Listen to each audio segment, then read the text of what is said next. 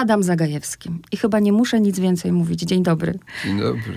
Za pośrednictwem wydawnictwa Znak opublikował pan właśnie e, nowy tom esejów Substancja Nieuporządkowana. Ale zanim porozmawiamy o esejach, to ja chcę zacząć od kota. Ponieważ Ostatnio gościła u mnie Maria Konwicka i rozmawiałyśmy o słynnym kocie Iwanie, którego dostali mhm. od Iwaszkiewiczów. A dlaczego od kota? Ponieważ przeglądając, przygotowując się do rozmowy, przeglądałam różne zdjęcia, bo bardzo lubię zdjęcia. I na jednym zdjęciu jest pan z kotem, takim czarnym. Dowiedziałam się potem, że ten kot zwie się Doncia. Mój kot, ja jestem wielką kociarą, mam trzy koty, jeden z nich też się nazywa Doncia. Mhm. Tylko potem doczytałam, że pana kot od Madonny, mój od Donalda. I Aha. pytanie jest takie, czy nadal jest Dońka, tak, czy nadal tak. żyje, jaką rolę odgrywa w pana życiu i o, o to, żeby wyjaśnić też y, historię tego imienia. Wszystko powiem. Mm, Dońcia mm, została znaleziona przez naszą przyjaciółkę Maszę Potocką na stacji benzynowej w Częstochowie. Była zabiedzonym, bardzo małym kotkiem. I to jest wzruszająca historia, bo ona siedziała pod wielką ciężarówką i, I Masza Potocka kucnęła przy niej, bo chciała ją przegonić w bezpieczne miejsce. I wtedy ona skoczyła na nią i wpiła jej się pazurkami w sweter. I wtedy Masza mówi, że po prostu natychmiast się zakochała w niej. Zobaczyła, że ta kotka ma taką wolę życia, że trzeba ją uratować. No i wzięła ją, chociaż jechała akurat do Ciechocinka, no ale to nic jest silną osobą, więc nie przeraziła się. I mimo, że też pies podróżował z nią, ale i wszystko się dobrze skończyło. A jaką rolę? No, dla mnie to jest niesamowite, bo nigdy nie miałem zwierząt. Tak, tak się ułożyło, że moi rodzice jakoś nie, nie lubili, czy nie znali zwierząt. I nie, nie było u nas ani psa, ani kota. Ja przez całe życie lubiłem koty, głaskałem wszystkie możliwe koty, które tylko na to poz pozwalały. Ale z Doncią mm, po raz pierwszy mam taki, no, no, no przyjaźń, taką prawdziwą przyjaźń. A jej imię bierze się właśnie od, od Madonny, bo Częstochowa Madonna, a Madonna mm, to Donka, a Donka to Dońcia, czyli tak przez, przez zdrobnienia, łańcuch zdrobnień. To mnie bardzo rozczuliło właśnie. Mamy oboje Doncie w domu, tylko uh -huh. mówię. Ale moja od Donalda nie Tuska, od razu mówię. Aha. Ale A. nie Trumpa. To nie, nie, też nie, też nie, też nie. Ma Doncia jakieś przyzwyczajenia takie? Bo kiedyś wyczytałam w jednym z wywiadów, że pan lubił pracować w jednym miejscu, ale teraz przeniósł się gdzie indziej, żeby być jej odźwiernym. Coś takiego tak, kojarzę. To prawda, tak. Znaczy, bo ona ma, ona ma rytuały. Właśnie dzień jest podzielony na segmenty i ludzie mają przestrzegać tych, tego porządku, bo ona się inaczej niepokoi, jeżeli tego nie ma. I, no i wypuszczamy ją na, do ogrodu i tam są podwórka i ona się tam, zawsze się boimy, że się coś stanie, no ale ona bardzo punktualnie wraca. I absolutnie to, to mnie fascynuje właśnie, jak, jak bardzo ten dzień jest uporządkowany. Rytuał za rytuałem. Aż wieczorem ostatnia miseczka mleka i wtedy idzie spać. Niesamowite i coś w tym jest. Chociaż nigdy nie miałam psa, to nie wiem, ale mówią, że psy mają właścicieli, a koty są panami swoich właścicieli. Tak, mają no obsługę oczywiście. Tak, mają. Pytanie, gdyby po władze sięgnęły koty, a nie małpy? Nawiązuje teraz do pana hmm. wiersza. Wiem, że napisał go pan dawno temu. w Paryżu. Czy pamięta pan w jakich okolicznościach? Czy w ogóle pamięta się przy takiej ilości tekstów, okoliczności powstania akurat tamtego tekstu? Mm, akurat tego nie, bo znaczy niedobrze. To jest tak, że są wiersze, napisałem już, obawiam się, kilkaset wierszy. No właśnie. I pamiętam, są takie wiersze jakby ważniejsze, większe, które zostają w pamięci, raz na okoliczności nawet, bardzo wyraźnie, ale ten wiersz dla mnie nie jest aż taki ważny. Znaczy to jest okej, okay, okay, ale nie jest to nie jest jeden z tych wierszy, mhm. za które bym się dał pokroić. Nie pamiętam dokładnie. No ale to, to było w latach 80. I, i już wtedy sięgali po władzę ludzie no, niezbyt sympatyczni. Ja właśnie celowo ten wiersz e, przywołałam e, i też przywołam inny, nie po to, żeby wchodzić na tematy polityczne, bo to absolutnie nie jest, nie służy audycja do tego, żeby zmuszać pana do wypowiedzi politycznej, ale chociaż jednym zdaniem jest wiersz Prawda, w którym padają słowa, że wraca czas, w którym wypada się jasno jasno opowiedzieć. I nie mam nawet na myśli polityki, ale mam takie poczucie, że te eseje zebrane w tą e, substancja nieuporządkowana, pan się jasno opowiada po pewnej stronie tutaj. No tak, ja po stronie prawa, po stronie porządku prawnego i po stronie demokracji i trójpodziału władzy. To brzmi, jak, jak się ma do czynienia z poetą, to się wydaje, że a co pana obchodzi trójpodział władzy? A jednak mnie obchodzi, bo to dotyczy mnie i nas. I uważam, to jest kapitalna zasada, że, że muszą być te trzy władze, żeby nie było dyktatury, że nasze życie jest bezpieczne w, dopiero w momencie trójpodziału władzy. I to jest y, ten jedyny moment, w którym poproszę o nazwanie, nie wiem, czy panu jest smutno wobec tego, co się w tej chwili dzieje w Polsce? Jakby to pan nazwał uczuciem? No to się waha między smutkiem i wściekłością. Ale też no, staram się, nie wiem jak pani, staram się, żeby to nie zdominowało mojego życia, bo to była, byłoby zwycięstwo tych tych ludzi, gdyby, gdyby po prostu codziennie, co, co minutę wracać do nich myślą. Trzeba mieć coś własnego, jakiś, jakąś substancję właśnie, żeby uniezależnić się. To, to nie znaczy, żeby zapomnieć, ale żeby trochę się odsunąć. A z rzeczy bardzo współczesnych, tym czym żyje właściwie, wszyscy żyją, 7 milionów Polaków obejrzało do tej pory film Braci Sekielskich. Widział pan już? Jeszcze nie, ale zamierzam, tak. Pytanie, nie wiem czy z kategorii banalnych, ale myślę, że tutaj nie ma banalnych pytań. Czy poezja jest ucieczką od tego właśnie świata, o tym, o czym powiedzieliśmy, o tym, co musi, trzeba mieć jakąś właśnie substancję. Czy to jest ucieczka, czy to jest głos? Czy myśli pan, że poezja może zmienić coś? Hmm. Były takie okresy niedawno, kiedy byłem młodym poetą i pisałem w latach 70. wiersze gniewne wobec ówczesnej władzy, wobec komuny i nie wierzyłem, że to coś zmieni, ale w gruncie rzeczy przyczyniło się do tej wielkiej zmiany. Znaczy, nie, nie, nikt nie będzie tak szalony, żeby powiedzieć, że to poeci obalili komunę, ale jednak ten ruch poetycki jakoś się związał w jedno z, z innymi, z, z, Solidarnością, z papieżem i tak dalej. Także mm, poniekąd tak, poezja w niektórych momentach może zmieniać świat. Nie chcę powiedzieć, że nie wierzę, że poezja świata nie zmieni, ale wierzę bardzo głęboko w to, że poezja może zmienić y, czyjeś życie. Czy pan uważa, że pana poezja jest bardzo poważna? Ja nie mówię, że ona jest niepoważna, ale mhm. ona nie jest tylko poważna. Ja to widzę tak, że... Znaczy ja bym chciał być poetą poważnym w znaczeniu nie takim, że nie ma u mnie poczucia humoru, tylko takim, że, chodzi, że o coś mi chodzi, że, że to nie A są to tak. igraszki, zabawy, że to nie jest, nie jest tak i, czysta ironia, tylko że o coś mi chodzi, chociaż gdyby mnie ktoś zapytał, to bardzo trudno wyjaśnić, o co mi chodzi. chodzi. Ale mam poczucie, że w ogóle życie jest bardzo poważną sprawą.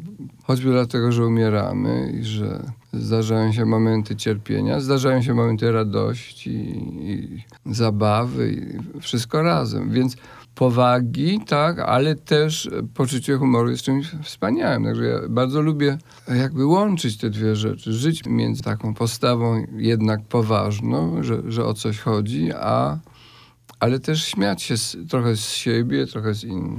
Właśnie, teraz uświadomiłam sobie, że użyłam złego słowa, bo bardziej chodziło o oj, to jest poezja, której nie zrozumiecie, która jest bardzo trudna. Od razu przypomina mi się Szymborska, niektórzy tylko lubią poezję mhm. i bardzo mi się podoba ten, to podziękowanie za nagrodę właśnie Księżniczki Asturii, gdzie pisze pan, nie wiemy czym jest poezja, chociaż napisano o niej tysiące tomów. W dzisiejszym świecie wszyscy chcą mówić o zbiorowości, o polityce. Poezja jest niemodna, modne są grube powieści kryminalne, biografie tyranów, bo to nie tylko dzisiaj, to już nawet i 20 lat temu i 30. Dlaczego ludzie się boją poezji? To, to jest chyba tak, jak kiedyś pamiętam, rozmawiałem w Stanach Zjednoczonych z pewnym wydawcą, który, z moim wydawcą, który mi zastanawialiśmy się nad okładką mojej książki ja myślałem, żeby dać reprodukcję jakiegoś obrazu. Ja mówię, wiesz, ale to trzeba się zastanowić, bo na ogół ludzie się boją. Jak widzą, że na okładce jest jakiś klasyczny obraz, to myślą, to nie dla mnie. Znaczy, jest jakieś poczucie skromności. Bardzo wielu ludzi ma, ma takie poczucie, że to, to nie dla mnie, że, że to jest za wysokie. Kim ja jestem? Ja żyję tak normalnie, jestem Kowalskim albo Kowalską i mam przyziemne troski. Chciałbym czegoś wyższego, ale nie, chyba nie zasługuję. No, ja myślę, że to jest takie, taka, że taką egzystencjalna skromność, z którą chyba trzeba walczyć, bo, bo każdy z nas jest, jest człowiekiem i może może dużo zrozumieć, jeśli tylko poświęci temu odrobinę wysiłku i czasu. To, co powiedziałam przed jeszcze włączeniem mikrofonów, że kiedy pana czytam, też mam w sobie dużo pokory i dużo kompleksów i, i, tego, ile jeszcze nie wiem, ale jakby jest po drugiej stronie ta zachłanność, że chcę dotykać tej poezji, chcę ją rozumieć i tego mi też brakuje w szkołach. A mówię to jako i uczennica, i nauczycielka przez wiele lat, że zrobili nauczyciele krzywdę uczniom, interpretując za ucznia tekst, prawda? W tym tekście mhm. chodzi o to i o to. I, I, taka jest dobra odpowiedź, taką masz zapisać w zeszycie. I uczniowie po prostu też boją się rozmawiać o poezji, bo jakby myślą, że ja jestem ciekawa, gdyby pan kiedyś znalazł się jako, nie wiem, e, podsłuchał, jak prowadzi się lekcje o pana poezji i usłyszał, co poeta miał na myśli, to czasem by się pan sam zdziwił pewnie. Pewnie tak. Zresztą zdarzało się, że widziałem jakieś testy czy maturalne, czy... I, I to mnie przeraziło, że tam jest założenie, że egzaminator wie, tak. o czym jest ten wiersz. A egzaminator jest w takiej samej sytuacji jak, jak uczeń i każdy ma prawo do różnych interpretacji. I wiersz, który ma jedną, jedyną interpretację jest nudny i nieudany. Wiersz, wiersz żyje wtedy, kiedy ma, kiedy można albo tak spojrzeć, albo trochę inaczej. I to jest ból, że egzaminy się zdaje w taki sposób, no bo jak to zmierzyć później, prawda? Chociaż teraz na maturze jest troszkę większa wolność, ale nie aż tak duża. Kiedyś też przeczytałam w jednym z wywiadów, bardzo mi się to porównanie spodobało, że pisanie poezji jest jak robienie herbaty. Jaka to herbata i jak wygląda parzenie, bo można różnie parzyć herbatę. No tak, bo dzisiaj przeważają te torebki okropne, które... Także pijemy herbatę z zapachem kleju. Tak samo jest z poezją. Jaką herbatą jest poezja? No, dla mnie no jednak czarno. Jestem przy, przy, przywiązany do, tradycyjnie do czarnej herbaty. Lubię zieloną, ale ale zielona nie, nie wprowadza mnie w taki stan, który może prowadzić potem do poezji. Nie, nie musi, ale, ale może. Ja to nawet kiedyś powiedziałem, że ja mam taką ulubioną mieszankę herbat, Darjeeling i Earl Grey pół na pół. Ale na przykład Darjeeling jakoś wyszedł z mody. Nawet trudno znaleźć teraz tę herbatę. To, to ona jest bardzo taka mocno gorzka? No jest taka owocowo bogata bardzo, tak. W przeciwieństwie na przykład do Ceylonu, czy są, są takie herbaty mhm. ascetyczne, jednowymiarowe, a, Darjeeling jest, jest e, właściwie, no może, może nas upoić, bo ma w sobie taką ta, takie, takie jakieś um, bogactwo. Dlatego pytam o tą herbatę, bo dzisiaj faktycznie wrzucamy torebkę, trwa to chwilę, a nie wiem, to jest moje znów i zapytam, jak się tworzy poezję, czy to jest tak jak z takim powolnym parzeniem w czajniczku, że nie wiem, czeka pan na natchnienie, na, jakąś, na jakiś pomysł, potem chodzi z tym, spisuje się gdzieś na... Jak wygląda to tworzenie tekstu? No, ja też nie chcę z tego robić jakiś... Rozumiem takiego sakramentu. To, to nie jest sakrament. To jest, znaczy, ja myślę, że trzeba mieć, trzeba nauczyć się skupienia. To jest bardzo trudne w naszych, naszym momencie, w naszych czasach. Bardzo trudne o skupienie biorące się z nas. Łatwo się, na przykład, najłatwiej skupić się prowadząc samochód, bo wtedy musimy, prawda? To jest bardzo ciekawe, mhm. że prowadzenie samochodu jest właściwie lekcją skupienia, bo je, chwila nieuwagi i lądujemy na drzewie, prawda? Albo na, na innym samochodzie. Ale poza tym, jak siadamy, nie wiem, przed telewizorem, czy na, nawet w internecie, nie trzeba wielkiego skupienia. Zależy, co się, co się tam robi. Natomiast um, jest taki, taki rodzaj skupienia, który bez sprzętu, prawda? bez telewizora, bez e, samochodu, i, I tu chodzi o to, żeby jakby poczuć swoje wnętrze, żeby, ale zawsze w połączeniu ze światem. Bardzo trudno mi to mm-hmm. Słowami o, opowiedzieć, ale i też łączy się, pisanie wierszy łączy się z, z pewnym poczuciem siły, własnej siły. I to oczywiście nie zdarza się codziennie, bo nie ma chyba ludzi, może tyrani, jacyś dyktatorzy straszliwi, mają poczucie siły codziennie, ale ale artyści, poeci mają od czasu do czasu mają taki jakby przypływ wewnętrznej siły. I wtedy można coś zrobić, wtedy, są, wtedy się pojawia impuls, żeby... Ale to też jest taka skomplikowana chemia, co, musi być pomysł, bo nie, można opisać wiersza samą siłą. Mm. To jest mhm. połączenie siły i inteligencji, rozumu. Ja zawsze obsesyjnie powtarzam tą definicję poezji, którą zresztą w tej książce mm cytuję pewnego jezuity włoskiego, który powiedział, że poezja to jest sen śniony w obecności rozumu. I to jest znakomite przedstawienie sprawy, bo, bo w poezji jest i sen, marzenie, coś fantazyjnego, ale jest też pewna dyscyplina i, i właśnie taka kontrola rozumu.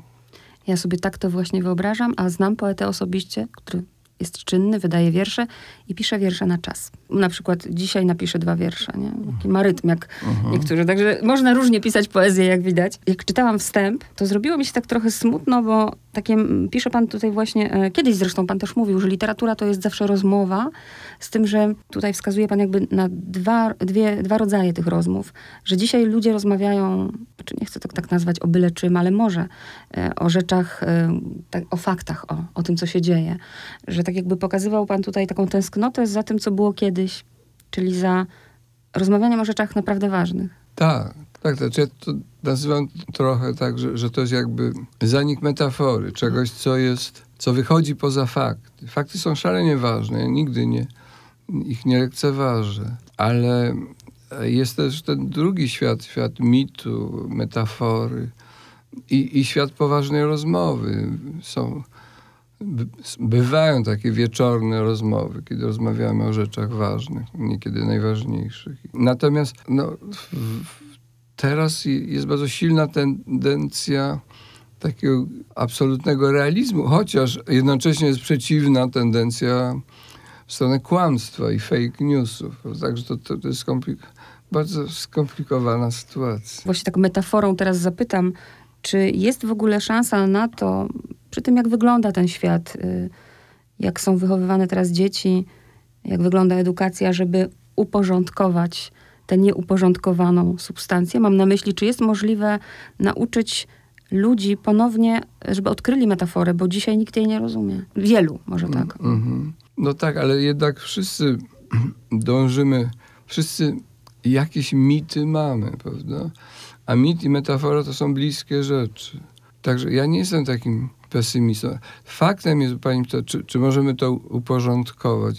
No, żyjemy w świecie mało uporządkowanym, gdzie z jednej strony słuchamy nie wiem, fizyków atomowych, a z, drugiej astronomów czy, czy znawców kosmosu i i to jest straszny chaos, bo nie wiadomo, co jest w tym kosmosie. Znaczy, wiadomo, niby wiadomo, ale.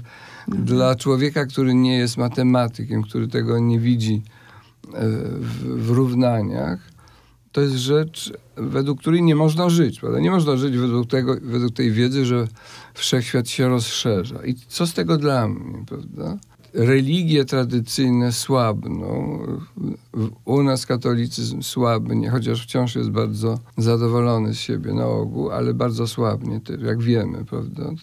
Nawet statystycznie. Także to jest przedziwna sytuacja i no, fascynacja technologią też tak dużo nie pomaga, bo nie porządkuje naszego świata. Każdy właściwie musi na własną rękę uporządkować świat. Nie ma tych gotowych systemów. Może to i lepiej, może to lepiej, że, że zmusza się nas do, do, do jakiejś twórczości. Teraz na moment odejdę od e, esejów. Umówiliśmy się na godzinę 15. Czy to znaczy, że poeci śpią do 12? Nie, nie, nie, zupełnie nie. Nie, ja wstaję zwykle gdzieś o 7.30 i zaczynam mój dzień. Pracą? Nie, najpierw dońka. Donka i śniadanie. I potem ja mam coś takiego, że muszę mm, tak jak, no, mus, potrzebuję jakby rozgrzewki wewnętrznej, żeby cokolwiek zrobić. To znaczy mam dłuższą chwilę, kiedy czytam, słucham muzyki, żeby, ja nie wiem jak, jak pani, jak inni, ale ja się budzę jako barbarzyńca. To znaczy jakby sen zmiata ze mnie to, to wszystko, co wiem, co, tą część cywilizowaną i ona potem powoli wraca. Ale w pierwszych, w pierwszych chwilach nie, nie. Pamiętam kiedyś rozmawiałem z, z wielkim poetą rosyjskim, Brodskim i on mówił, bo on powiedział, wiesz, ja ja się budzę, jem śniadanie i natychmiast zaczynam pisać. Podziwiałem go, ja nie potrafię, ja potrzebuję tego powrotu cywilizacji, tego, żeby to, co wiem, co, o czym marzę, żeby to jakby to, to, tak, jak, to tak jakbym był takim komputerem, który szalenie wolno się rozgrzewa, że musi długo bardzo startuje. I, także... Ale czy to znaczy, że jak już wystartuje, to pracuje pan, czy pracował wcześniej do późnych godzin nocnych? Nie, nie, nigdy, nigdy, nie, nie. Ja, wie pani, mnie zaskoczyło ten mm, sławny obecnie węgierski pisarz Moray, to znaczy pisze się Marej, a mhm. podobno się mówi Szandor Moray. On kiedyś napisał, że on dziennie pisze przez 35 minut, co, co chyba jest rekordem. Zawsze wiedziałem, że Tomasz Mann pisał dwie godziny dziennie. Są pisarze, którzy potrafią kilkanaście godzin dziennie. Dla mnie to jest niemożliwe. Ja pracuję jakieś właśnie też dwie godziny, to znaczy pracuję. Pracą jest też ta rozgrzewka. W pewnym sensie pracą jest lektura, bo to wszystko jest przygotowaniem i, i pozostawaniem na tym tery terytorium. Ale czystej pracy takiej, którą, którą, nie wiem, Główny Urząd Statystyczny mógłby zaklasyfikować jako pracę, no to, to, to, nie, to nie jest więcej niż dwie godziny. A czy przed snem jest też wyciszenie, czy przed snem jest lektura? Lektura, ale innych książek. Ja I właśnie ciekawi mnie jakich. Co na przykład wczoraj pan czytał? Wczoraj, co czytałem wczoraj? Mm, nie pamiętam. Może sobie przypomnę. Na ogół wieczorem czytam pamiętniki, dzienniki, wspomnienia, takie rzeczy um, osobiste bardzo, bez teorii, bez, bez, dlatego że myśl rozbudza i poezja rozbudza. Także nie czytam wierszy wieczorem, bo, bo jeszcze bym się, żebym wpadł w natchnienie i zaczął pisać i wtedy nie, nie, nie zasnąłbym. W poezji jest taka, takie niebezpieczeństwo, że się nigdy nie zaśnie, bo, bo pisanie wiersza jest tak, stanem tak wielkiego rozbudzenia, że że nie można zasnąć.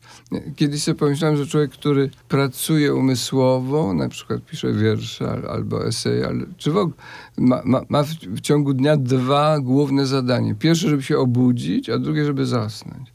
Żeby osiągnąć to, ten, tą wyżynę, na której można coś sensownego zrobić, a potem, żeby z niej zejść i zasnąć, bo inaczej, bo tak jesteśmy zrobieni, że bez snu nie giniemy. Czyli to jest paradoksalne zadanie, sprzeczne, wewnętrznie sprzeczne. Nie jesteśmy na pewno w stanie porozmawiać o wszystkich, ale wybrałam sobie niektóre eseje. O tym najważniejszym, czyli najważniejszym, nie wiem czy on jest najważniejszy, ale na pewno zajmuje najwięcej miejsca, czyli o wolności to na końcu, ale ten, który spodobał mi się, powiem zaraz z jakiego względu, o pewnej niezwykłej korespondencji. I to jest też, ja naprawdę nie wierzę w przypadki. Nie tak dawno czytałam książkę, która bardzo mi się podobała, Erika Karpelesa, Prawie nic. Mhm gdzie... Już pani czytała, brawo, tak, to tak, bardzo tak. szybko. Tak. Opisuje oczywiście ten moment um, przyjaźni. Um, od pana się dowiaduje zupełnie jakby o, o, o, innej e, stronie, o stronie tych listów, ale właśnie chciałam y, zacząć od końca, czyli od momentu, w którym w książce Erika Carpelesa jest pana zdjęcie z Józefem Czapskim. Pan wtedy w wieku 38 lat. E, Józef Czapski 87, gdzie trochę ta historia się też powtórzyła, mistrz i uczeń. I chciałabym, żeby pan wrócił teraz wspomnieniami do momentu wyjazdu do Paryża, bo to było takie trochę na wariata. Tak, tak, to było zupełnie wariackie. Tak. Ja wyjeżdżałem z miłości do, do kobiety. Znaczy jednak nie było tak, nie przesadzajmy, że wyjeżdżałem do Czapskiego. Czapski, Czapski był wspaniałą przyjaźń z nim i, i mój podziw dla to, to, była, to był rodzaj niespodzianki. Ja nie wiedziałem, że, że on mi tak wiele da, że tak wiele mi ofiaruje. Bezpośrednim powodem wyjazdu była, była kobieta, która jest moją żoną, już od dawna. A to piękna historia. No tak, tak było. A Pamięta pan ten moment, czy to po prostu naturalne było, że jak wyjeżdża pisarz do Paryża, to odwiedza paryską kulturę i tam spotyka Czapskiego? Tak to się odbyło, czy na jakieś specjalne zaproszenie? Jak, jak był ten moment poznania Czapskiego Józefa? W tamtych czasach było tak, że ludzie pisząc, ludzie, wiem, intelektualiści czy, czy profesorowie niekiedy, wielu, nie wszyscy, ci, którzy byli krytyczni wobec komuny, pielgrzymowali do, do kultury, do Maison Lafitte. I to było, to było wiadomo, że tam zawsze dostanie się herbatę i będzie się przyjętym, bo to wtedy głównym jak tym gospodarzem był Giedroyć, Jerzy Giedroyć. Czapski był na piętrze. I kiedy ja przyjechałem do Paryża pod koniec 82 roku, roku, to już znałem Giedroycia i bardzo po, tylko się przywitałem poprzednim razem, dwa lata czy trzy lata wcześniej, e, z Czapskim. Ale wtedy po właśnie tym 82 zacząłem przyjeżdżać już tylko dla, dla Czapskiego, bo, bo Giedroć był tak, takim zwierzęciem politycznym, że właściwie prawie o niczym innym nie, nie chciał rozmawiać, tylko o rzeczach politycznych, a Czapski, Czapski miał, żył w innym, nie śpieszył się. On, dla niego przyjazd kogoś z Polski był, był trochę świętem. On był szalenie ciekaw ludzi młodszych od siebie, ale absolutnie nie chciał celebrować swojej roli mistrza. Raczej był, miał, miał w sobie coś tak skromnego, że tak się z nim rozmawiał, jakby on od tego przyjezdnego chciał się dowiedzieć. Znaczy był taką sokratyczną postacią, że uważał, że rozmowa polega na pytaniach, na dowiadywaniu się. I był człowiekiem tak wielkiej dobroci i tak wielkiej inteligencji. Ja od dawna myślę o tym, że że, że często jest tak, że ludzie wybitnie inteligentni nie są specjalnie dobrzy, że mają, znaczy nie, nie, chcę, mhm. nie chcę z tego robić reguły absolutnie. W każdym razie Czapski był niesłychanie ciekawym przykładem połączenia wielkiej inteligencji z wielką dobrocią. I to się widziało, to się czuło. I, i natychmiast no, no, zacząłem tam regularnie przyjeżdżać do niego, naprzód po prostu jako młody przyjaciel. On natychmiast przechodził na ty, to, bo on, który był 50 lat starszy mm. ode mnie, w polskiej kulturze, tak. to się trochę zmienia teraz, prawda? Na zachodzie się zmieniło. Na przykład w Szwecji nikt już nie mówi pan i pani, wszyscy są na ty. Mm. Ale Czapski, no to było wiele lat temu. Dla niego on po prostu no, jakieś miał takie założenie równości ludzi, że, że po co pan i pani, skoro mo można być tak. I, I to na ogół tym młodszym jest trudno to mhm. E, zżyć się z tym, bo to nie jest takie łatwe. Ale on stwarzał atmosferę przyjaźni i natychmiast się to akceptowało. Okej, okay, Józio Czapski, mój przyjaciel. Takie niesamowite dla mnie było, jak czytałam tę książkę, to, że tak z jednej strony rzeczywiście dla pana młodego człowieka autorytet, mistrz Czapski, z drugiej strony pan jakby trochę jego opiekunem, bo czytał mu pan książki. Jest ten moment w książce, gdzie czyta pan y, tekst Czapskiemu, a on ma zasłoniętą głowę prześcieradłem. I dopiero mhm. skojarzyło mi się to z takim bezbronnym, y, z dzieckiem pełnym złości. I nagle zaczyta mu pan, zaczyna czytać, tak jak się dziecku czyta bajkę. I dziecko w pewnym momencie jest zainteresowane. Mhm. Piękna ta scena była. Tak, albo, albo jak on był taki, od pewnego momentu chętnie słuchał własnych tekstów napisanych wiele lat temu, no bo był bardzo stary i jego umysł zaczynał trochę błądzić. I on rozpaczliwie walczył o to, żeby, żeby nie zabłądzić, żeby, żeby się trzymać samego siebie. I kiedy się mu czytało jego tekst napisany, nie wiem, 30 lat wcześniej, i on natychmiast odnajdywał te słowa, to wracało do i to go budowało od nowa, to mu pozwalało zachować tożsamość. Bo to jest w ogóle też piękna historia między właśnie Ludwikiem Heringiem a Czapskim, gdzie oni mieszkali bardzo krótko w sumie w Józefowie, bo później nie widzieli się 30 lat. E, w latach bodajże chyba rok po, z tego co pamiętam, rok po pana pobycie, on dostał paszport i pojechał do Czapskiego go wtedy odwiedzić. I pan Ludwika Heringa też nie zna, prawda? Nie, nie, nigdy go nie spotkałem. Co pana tak właśnie zafascynuje jakby w tym związku, powiem, korespondencyjnym, w tych listach? No to są dwie bardzo różne osobowości. To, znaczy dla mnie no Czapski jest jak ważniejszy, ale też bardzo polubiłem Heringa z tych listów. Hering, Czapski był dzieckiem szczęścia, bo był, mimo że wszystko stracił, prawda? ktoś by mógł powiedzieć, że Boże, jaki nieszczęsny los, człowiek, który się urodził jako dziedzic fortuny, potem jest właściwie nędzarzem, nic nie miał i, i musiał żyć z własnych, z malarstwa, co jest szalenie trudne. Ale był dzieckiem szczęścia, bo miał pewną pogodę w sobie, miał wielki talent i miał talent zjednywania sobie ludzi. Nieświadomy, znaczy to nie było nic wyrozumowanego, po prostu taki był. Heringa nie spotkałem, ale czuję, że to był człowiek, który był trochę ponurak, człowiek bardzo schowany w sobie, który się z niechęcią wy, wynurzał z samego siebie. I dla niego ta naprzód miłość z Czapskim, potem mm. przyjaźń, no to była też jakaś życiowa szansa wyjścia z tej, z tej skorupy. Obaj byli bardzo czytani, byli, byli, obaj byli no, takimi świadomymi uczestnikami kultury. Na początku też relacja mistrz-uczeń, chociaż Czapski tego tak, tak nie Tak, no nie Herring był mhm. trochę młodszy, mniej oczytany i oni tam wspominają w listach, że, że, na, że, że, że Czapski był tym, który dużo więcej wiedział, który na przykład oprowadzał po wystawach Heringa. I, ale Herring nie był byle kim. On miał swoją, swój upór.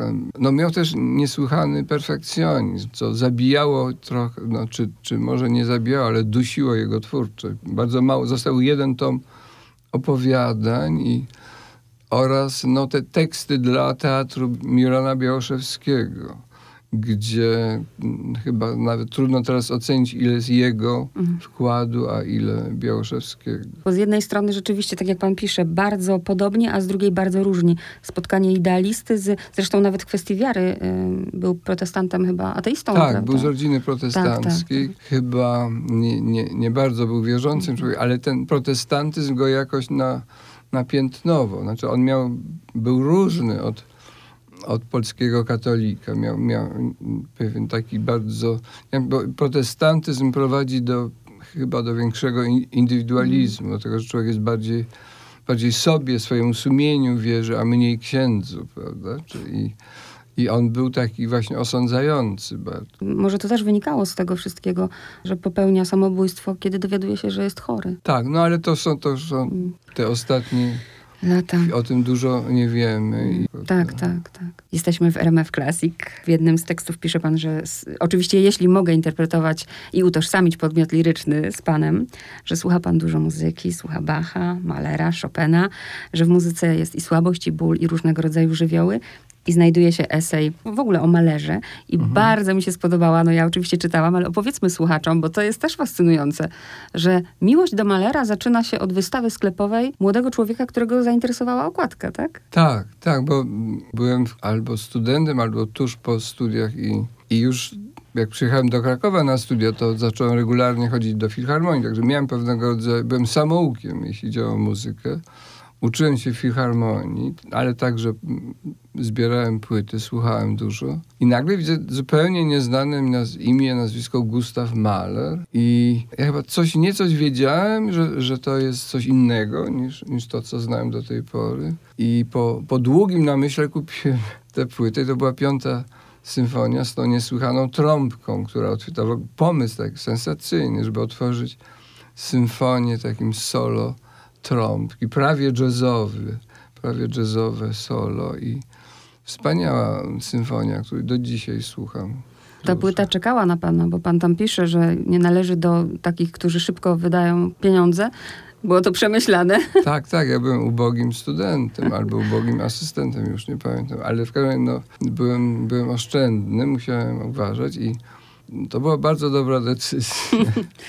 Ale też takie nietypowe. Ja proszę powiedzieć jeszcze o, tej, o tym dualizmie, bo tam i ten marsz, i te smyczki, prawda? Jedno bez drugiego nie byłoby... Tak, ale no, są, i- jeżeli na przykład weźmiemy takiego kompozytora jak Skriabin, czy, czy nawet Rachmaninow, czy Czajkowski, to tam jest liryzm w różnych stopniach natężenia. Natomiast u- Chopina właściwie też, chociaż no Chopin ma duże diapazony mię- między różnymi nastrojami muzycznymi. Ale u Malera to jest bardziej skrajne jeszcze, bo jest, są te adagia, które trwają bez końca, są bardzo piękne i no, takie, że no, jeżeli ktoś w ogóle kocha muzykę, no, no to przeżywa to bardzo głęboko. A potem przychodzi scherzo albo, albo inna, inna część, y, zupełnie, gdzie nagle trąby, blachy grają i to jest takie, takie ostre, zgrzytliwe, tak, tak jakby zgiełk świata wracał do, do muzyki. I potem znowu to i, i, i to, to zestawienie, bo to nawet nie jest połączenie, to jest zestawienie. To się nie da połączyć takiego czystego liryzmu właśnie z takim, z takim ostrym, jarmarcznym dźwiękiem. A u niego to jest i jest przekonujące. To tak jakbyśmy myśleli sobie, no taki jest świat, tak właśnie te dwie rzeczy nigdy się nie połączą, a jednak jakoś do siebie należą. Podobnie jak w czytaniu poezji, tak i w słuchaniu muzyki, że się ją kontempluje. Zaimponował mi pan, bo znając mnie, gdyby mi jakiś dyrygent powiedział, fascynujesz się piątą symfonią Malera, przecież to takie proste, to pierwsze co to bym się schowała w sobie i pomyślała, o rany, to jest wielki dyrygent, on ma rację, bo panu tak dyrygent powiedział, a pan broni Malera. No tak, się nie, nie przestraszyłem. Ale wie pan, kiedyś ja o tym nie pisałem, ale jest taki pianista Alfred Brendel, którego poznałem. Nie, nie znam go dobrze, ale kilka razy rozmawialiśmy. I on czytał moje wiersze, czytał ten wiersz, tam gdzie, jest właśnie, gdzie ja wymieniam moich mhm. ulubionych kompozytorów i mówię, że w, w muzyce jest siła, słabość. Tak. I on mi, on mi napisał karteczkę. Mówi, no bardzo lubię ten wiersz, ale słabość? Mówi, w muzyce nie ma słabości, jest tylko siła. Ja jednak też myślę, że no, takie adagia są w pewnym sensie takim odsłonięciem się całkowitym. Znaczy, dla świata to jest słabość, prawda? Jeszcze chcę zapytać, czym dla pana jest wolność? Mm, no to jest najtrudniejsze. No wiem. Ja kiedyś czytałem, jak byłem bardzo młody, na pół zapomnianego filozofa francuskiego Bergsona. I tam natrafiłem na takie zdanie, że wolności nie można zdefiniować, ponieważ wolność jest czymś nieprzewidzianym. A definicja może ująć tylko coś, co jest jakoś regularne, przewidziane. Także myślę, nie, nie ma definicji wolności. Wolność jest, wiadomo czym nie jest. Jak się poddajemy, jak, jak ktoś, kto na przykład podejmuje jakąś decyzję i godzi się na coś, czego nie powinien robić i ma złe sumienie, no to wie, że stracił wolność na, na, na długo, na krótko albo na zawsze, niekiedy. Ale kiedy jesteśmy wolni, to wolności towarzyszy niekiedy radość. Nie, nie, nie bez przerwy, mm. bo to mhm. też byłoby jakoś idiotyczne być radosnym non-stop. Ale wolność to jest, no, to jest takie poczucie, że, że nie zrobiliśmy tego kroku w złą stronę. Bo w eseju pisze pan takie zdanie, żeby żyć w wolności, to przede wszystkim trzeba żyć w prawdzie. No i zaczyna się kolejne pytanie, ale co to dzisiaj jest prawda? Bo ja z kolei myślę po przeczytaniu tego eseju, że nie ma wolności bez świadomości. Jeśli nie mamy świadomości tego, co się dzieje, a wielu ludzi nie ma jej, bo, bo, nie chcę ich nazwać analfabetami, bo to nie o to chodzi, ale tak jakby warunkiem do życia w prawdzie była najpierw ta świadomość, a posiadanie tej świadomości to jest też kwestia naszego wykształcenia, prawda? Tak, ale ja myślę, że formalne wykształcenie nie jest niezbędne. Są ludzie, którzy, którzy nie mają w ogóle formalnego wykształcenia, a mają taki dar wolności. Po prostu to może być po prostu jakiś dar, taki dar losu, dar genetyczny, takie poczucie otwarcia na, na świat. I to są rzeczy dość tajemnicze, nie wiemy. I na, na szczęście genetyka jeszcze tego wszystkiego nie zbadała, ale to świadomość tak, i oczywiście dobrze jest wiedzieć, ale też są ludzie, którzy właśnie, jak mówię, nie mają formalnego wykształcenia, a, wi a wiedzą. A wiedzą, właśnie. Tak. Zresztą kiedyś się właśnie do babci i dziadka szło po radę życiową, bo oni wiedzieli.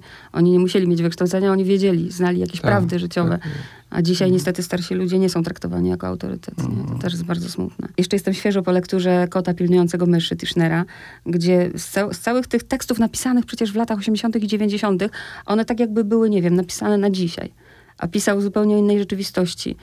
Nigdy by nie pomyślał, że to się jakby tak szybko ta historia zatoczy koło. Czy ten tekst o wolności można nazwać pewnego rodzaju manifestem, niezgodą na to, na zamach na wolność, czy, czy raczej nie chciałby pan tego? Tak, tak. Znaczy ja nie mam, ja mam taki kompleks, że ponieważ lata temu razem z Julianem Kornhauserem napisaliśmy Świat Nieprzedstawiony, który, Na studiach, który był manifestem. Tak. Ja trochę unikam manifestu. Ja się czuję... Że jest taki wiek manifestu, a potem jak się już jest mocno starszym, to, to ale mimo to zgadzam się, to, to jest pewien rodzaj manifestu i obrony wolności, taki, takiego hymnu na cześć wolności. Tego nawiązując do tekstu, do wiersza o prawdzie, że opowie opowiedzieć się po pewnej stronie, prawda? A propos Juliana Kornhausera. Tak się właśnie zastanawiałam nad tym człowiek, który pisze taki tekst, dzisiaj jest teściem człowieka, który no, z wolnością mało ma wspólnego. Mhm. Jestem ciekawa, co, co, co musi myśleć. No wiem, że on jest po przeciwnej stronie ideowej, że to jest dla niego bardzo trudne. To trudne też, takie naprawdę wewnętrznie musi być bardzo. A czy Adam Zagajewski pamięta Adasia, albo już Adama, bo Adaś to chyba raczej taki mm. mały, kilkuletni chłopiec, moment, w którym zaczął pisać wiersze? Tak, tak, pamiętam. Czy takich rzeczy się nie zapomina. Kiedy to było? Znaczy, ja są, większość znanych mi poetów na ogół mówi, że, że pierwsze ich wiersze powstały jak mieli nie wiem, 12 lat, 10 lat, 15. I dla mnie to było dużo później. Miałem 19 lat, kiedy zacząłem. Miałem taką przedziwną noc pisania wierszy, taki, taką noc natchnienia, kiedy nie mogłem zasnąć i, i, i, pisałem wiersze. Napisałem kilkanaście krótkich wierszy, których, które nigdy nie były publikowane, ale i, i wtedy byłem nimi zachwycony oczywiście w pierwszej chwili, potem już trochę mniej, ale, ale to było takie odkrycie tego, że, że, że, że poezja jest taki, taką energią, która przychodzi czasami tylko. Wcześniej ja już ja miałem plany pisarskie, ale myślałem, że raczej chciałem być powieściopisarzem, takim, co grube powieści pisze.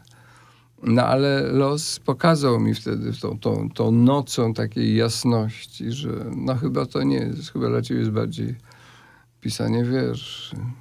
A jak pan traktuje, jest pan niesamowicie utytułowanym poetą, wiele nagród y, i pewnie męczące pytania o to, czy czeka pan na Nobla? Czy wtedy byłoby to spełnienie? Nie, no nie, bardzo taka żenująca sprawa, bo właśnie wszyscy mnie pytają o Nobla. Cóż ja mogę powiedzieć? Wiem tyle, co, co wszyscy inni. No, no na pewno nie żyję po to, żeby dostać Nobla i nie piszę po to, żeby dostać Nobla.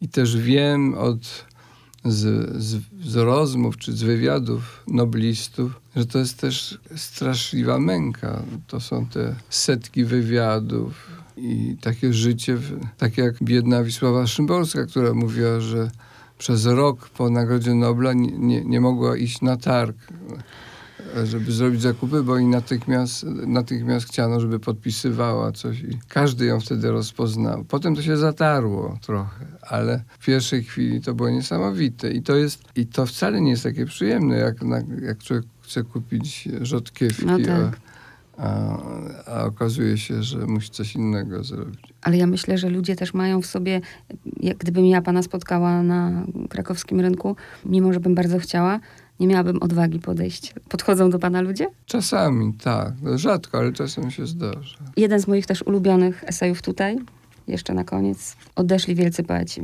Kiedy wypisuje pan te nazwiska właśnie, opuściła nas piękna plejada i zaczynam czytać i uświadamiam sobie rzeczywiście, że ich już nie ma. To jest strasznie smutne. Tak myślę, kto nam pozostanie. Czy pan czyta współczesną poezję?